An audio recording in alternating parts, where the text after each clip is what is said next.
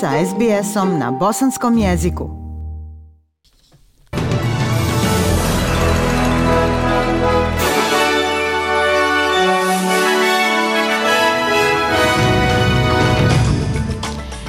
Danas u vijestima poslušajte.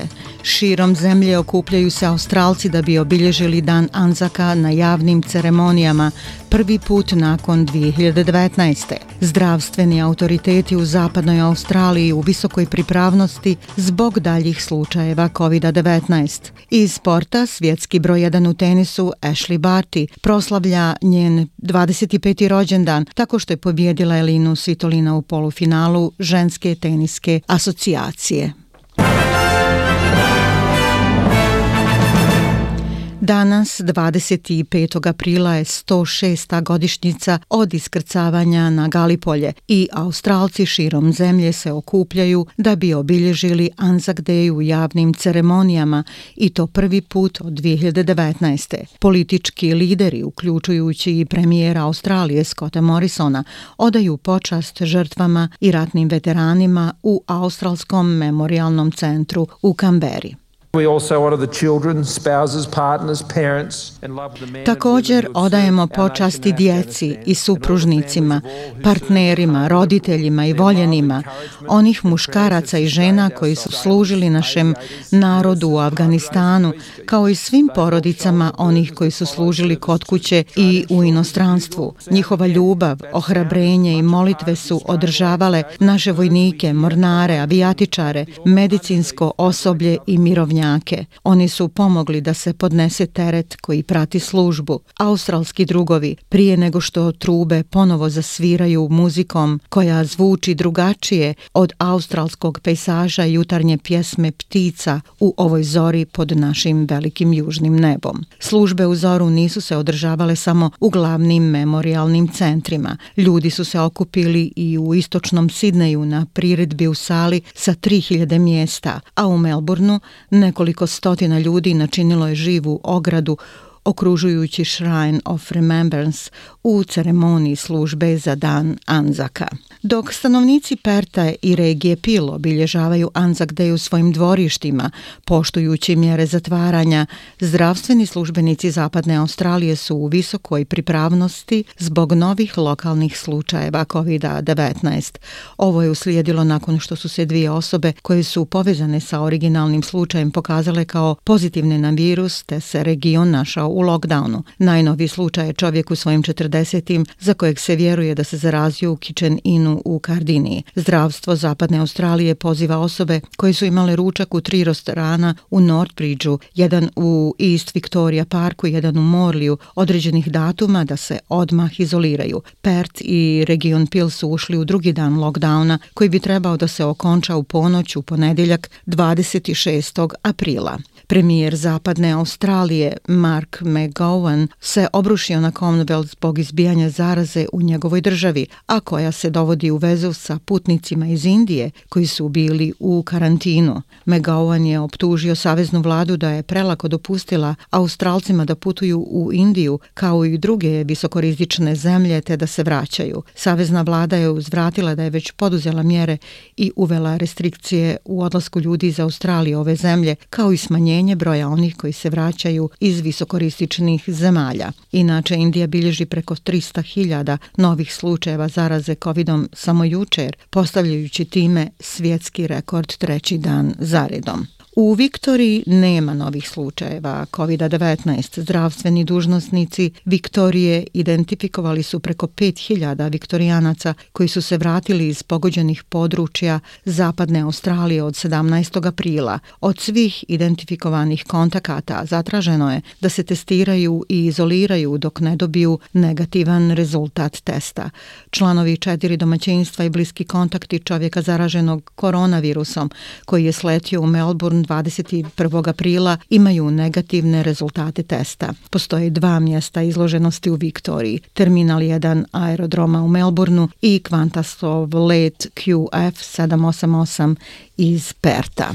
Brittany Higgins će se sresti sa premijerom Scottom Morrisonom i vođom laburista Antonijem Albanizijem sljedeće sedmice da bi razgovarali o poboljšanju kulture na radnom mjestu u parlamentu. Vjeruje se da će se sastanci održati u petak u Sidneju. Bivša uposlanica liberala navodno je silovana od strane kolege prije dvije godine u uredu Saveznog ministarstva. Otkako je izašla u javnost sa optužbama, javila se poplava navoda o lošem ponašanju prema ženama kao i velike demonstracije ispred zgrade parlamenta. Ona kaže da njena prošlosedmična odluka o susretu nije bila lako donesena, ali i da vjeruje da se stvari ne mogu poboljšati sve dok ljudi ne pokažu spremnost da sjednu zajedno i jednostavno govore o tim teškim problemima.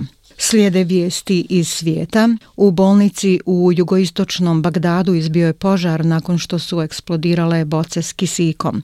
Ubijeno je najmanje 27 ljudi, a 46 je ranjeno u bolnici Ibn Katib. Bolnica je predviđena za njegu oboljelih od COVID-19. U zgradi bolnice nalazilo se najmanje 120 osoba u vrijeme kada je izbio požar. Na hiljade demonstranata marširalo je ulicama centra Londona zahtijevajući hitno oblažavanje restriktivne mjere zatvaranja. U toku je vladin plan kao dio finalnog stupnja u borbi sa koronavirusom da se uklone zakonska ograničenja društvenih kontakata i otvore noćni klubovi. To je predviđeno da bude 21. juna, ali demonstranti su skeptični oko razloga koji stoji iza plana, kao i vladinih planova testiranja ljudi think we've been taken over by a, what's becoming a totalitarian state which is based on very bad science. Mislim da su nas preuzeli. Ovo postaje totalitarna država koja se temelji na lošoj nauci, u stvari na manjkavoj nauci. Već smo ograničeni samim testiranjem. Ne možete se liječiti ako niste testirani. Ne možete uzeti lijek ako niste testirani. A neki ljudi doslovno nisu u stanju da se testiraju. Imaju bolesti. Prodavnice, frizerski saloni, restorani na otvorenom već su ranije otvoreni ovog mjeseca. Vlasti u stanju uzbune da obezbjede medicinski kisik u indijskim bolnicama u kojima se pacijenti guše zbog nedostatka kisika. Bolnice u glavnom gradu New Delhiju također su u kritičnom stanju i zbog manjka kreveta. Indija je na najgorem udaru koronavirusa na svijetu, postavljajući nove svjetske rekorde kada su u pitanju novozaraženi na dnevnoj bazi. Preko 300.000 infekcija samo od jučer doveli su Indiju da ima preko 16 miliona zaraženih. Indonežanska mornarica objavila je da je njena podmornica potonula i da se raspukla. Saopštenje je došlo nakon što su u posljednja dva dana pronađeni predmeti sa plovila i očigledno okončali nadu da će pronaći ikog živog od 53 člana posade. Zapovjednik vojnih snaga Hadi Tjahanto je rekao da je prisustvo naftnih mrlja i krhotina blizu mjesta gdje je podmornica posljednji put zaronila u srijedu kod otoka Bali jasan znak da je podmornica KRI Nangala 402 potonula.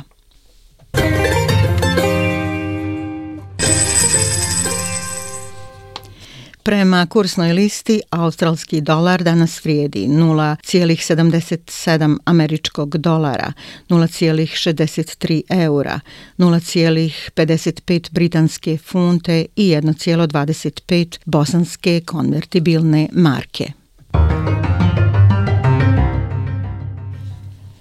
I vijesti iz sporta, ženski svjetski broj 1 Ashley Barty proslavila je svoj 25. rođendan tako što je pobjedila Elinu Svitolina u polifinalu turnira u Stuttgartu koji se igra na šljaci. Nakon prvog seta koji je izgubila sa 4 naprama 6, Barty se povratila sa 7 naprama 6 i konačnih 6 naprama 2 i time pobjedila Ukrajinku koja se nalazi na četvrtom mjestu. Barty je nagrađena buketom cvijeća te muzičkom numerom Happy Birthday putem zvučnog sistema arene. U finalu će se Australka sresti sa Arinom Sabalenko koja se nalazi na petoj poziciji ženske teniske asocijacije. Savezna vlada će najvjerovatnije obezbijediti vakcinaciju protiv COVID-19 za 1400 australskih olimpijskih i paraolimpijskih atletičara. Nacionalni kabinet je spreman da donese odluku u petak 30. aprila.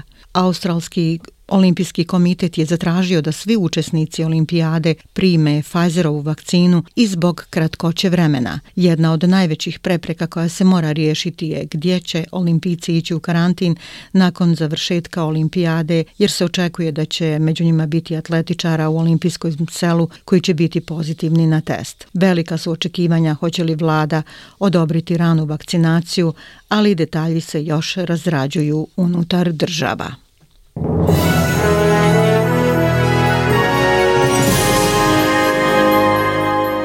I na kraju vremenska prognoza slijede temperaturne vrijednosti za veće gradove u Australiji. U Pertu sunčano 27, Adelaidu 20, u Melbourneu 17, u Hobartu 17, Kamberi oblačno 19, u Sidneju 22, u Brisbaneu uglavnom sunčano 26 i u Darwinu sunčano 35 stepeni Celzijusa. Bile su tu vijesti, poštovani slušaoci.